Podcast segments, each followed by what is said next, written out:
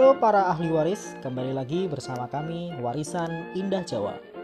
Kali ini kita mau bagi-bagi hadiah nih. Hadiah berupa saldo GoPay total Rp50.000 untuk dua orang yang beruntung.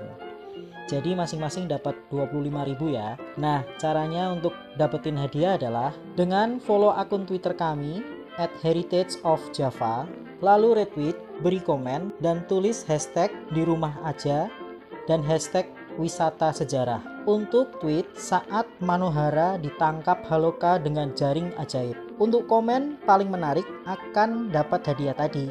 Jadi, ayo baca ceritanya dan dapetin hadiahnya ya. Yang beruntung akan kami hubungi via DM pada hari Selasa 21 April 2020. Semoga beruntung.